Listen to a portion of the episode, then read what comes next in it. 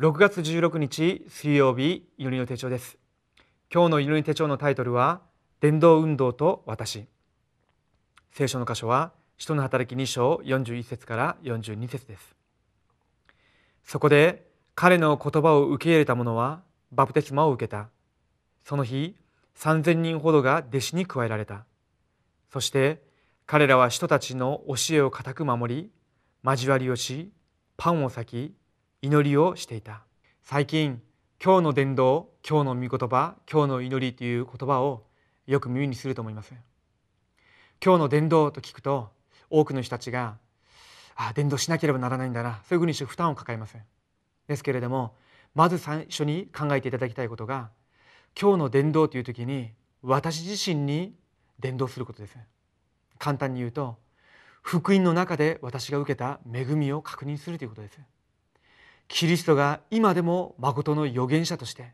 永遠なる預言者として精霊で私と共におられ導いていらっしゃること。今でもキリストが誠の大祭司として私たちの罪と呪いを永遠にあがない続けてくださるそのような大祭司として取りなしてくださっているんじゃないでしょうか。またキリストが誠の王として私の人生を捉えてたサタンの権威を打ち砕いてまたそのサタンの働きを打ち砕く権威を私たちにも与えられたんではないでしょうか。その中で与えられた身分と権威そういった部分を確認しながら自分自身に宣言してその祝福を今日自分が行く現場自分の今日のスケジュール出会いの中でどのようにして伝えていくかその計画を立てるのが今日の伝道です。私自身が福音を味わってこの自分に与えられている恵みを自分のスケジュールの中で実際的に伝える計画を立てることです。すると自分の一日を把握することができると思います。自分の立場と自分の今日の一日全体像が描けている中で今日の御言葉としての祈りの手帳を読んでみてはどうでしょうか。するとああ神様が今日私に必要な御言葉としてこの御言葉を与えてくださったんだな。そういうふうに感じるメッセージがあると思います。その御言葉を今日のスケジュールにつなぎ合わせながら祈りの文を作ってみてください。必ずこうしなければならないということではなくて一番簡単な例として、えー、私が説明しているだけです。そういうふうにしてみると簡単に今日の伝道御言葉祈りというのを見出すことができると思います。最初は思うようにできないかもしれません。ですけれどもそれを持続していくと何を感じるかというと神様が私と24時間共にいらっしゃるんだなそのことを感じるようになります同時に福音の力が私の生活全体に現れ始めるようになりますもしそれが毎日持続できるようになると1ヶ月後1年後私自身がどのように変化するでしょうか。間違いなく私たち個人の霊的な状態が変わり始めるようになります。なぜかというと毎日精霊の導き毎日精霊の働き毎日伝道現場での証拠それを体験するようになるからです。それが私の人生に私の現場に私の専門性に私の仕事学業の上に臨むようになります。それが伝道者の生き方です。今日伝道運動と私というタイトルですけれども伝道運動が私と遠くにあるのではなくて私の生活そのものが伝道運動だと。なぜですか？私が伝道者だからです。今日その部分をもう一度回復して新しく始める一日になるようにお祈りしながら祈りの手帳を始めたいと思います。初代教会には弟子の数が3000人も加えられる働きが起きました。未信者であった人が自分を通してイエス・キリストを信じて弟子に立てられた経験がありますか？自分を通して正しく伝道する地教会が立てられるならどんなことが起きるでしょうか？今神様が一番喜ばれる伝道は何でしょうか？イエス様が与えられた御言葉を握るとどんなことが起きるんでしょうか？神様は私にこの答えをくださると約束されました。答えを受ける人は他の人を助けることができます。どのようにすればよいのでしょうか。神様は答えを与えると言われますが私は受けていません。神様の御言葉と自分自身の間に重要なギャップがあるためです。これを事実的に見ることがとても重要です。この時今日の御言葉今日の祈り今日の伝道を理解するようになります。この目を開いていると一番近いところから答えが見えます。神様が私と共におられ私たちと共におられるという事実を知るようになります。自分のものを探し出すことが今日の御言葉祈り伝道です。講談のメッセージを最初に聞いた時にはこのメッセージと自分と実際のところどういう関係があるのかわからない。そういうふうに感じることがあるかもしれません。ですけれども与えられた御言葉は間違いなく私自身に必要なので与えられたものです。それであればもう一度聞いてみるか読んでみるか確認してみてください。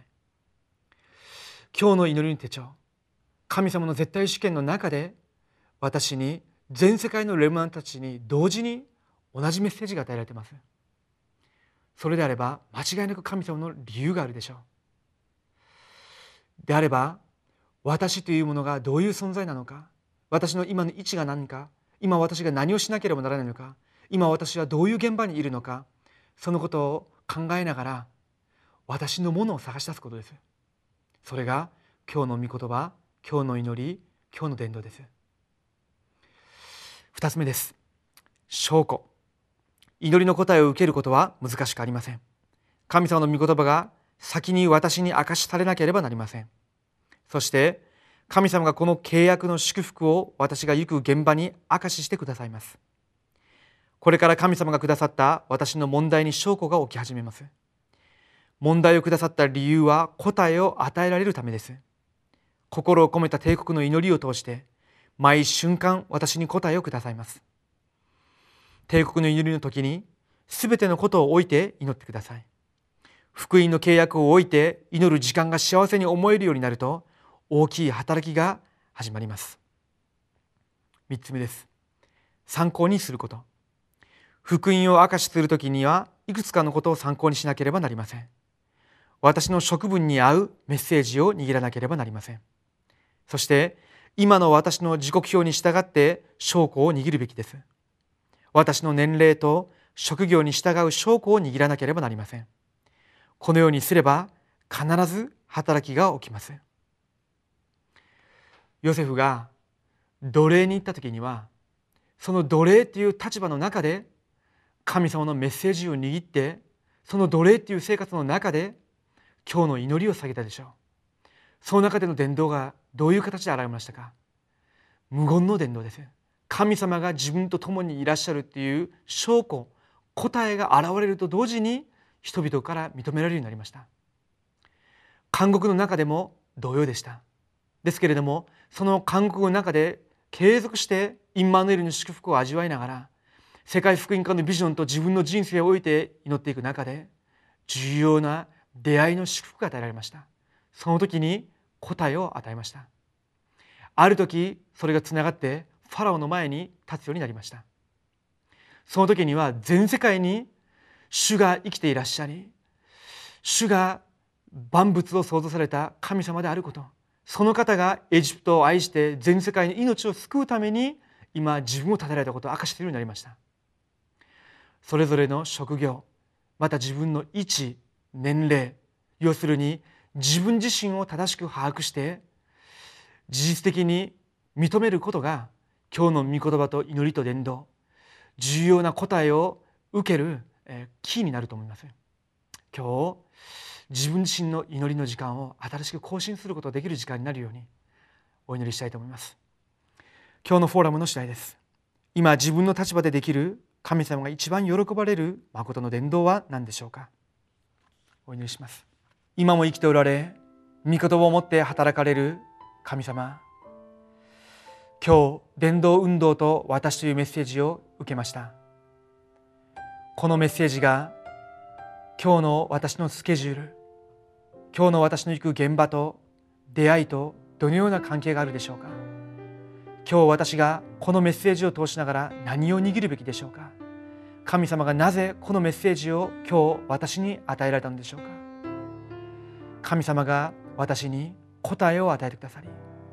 この祈りの時間に今日の伝道と今日の御言葉と今日の祈りを新しく始めさせてください。生きておられるイエス・キリストの皆によってお祈りします。アーメン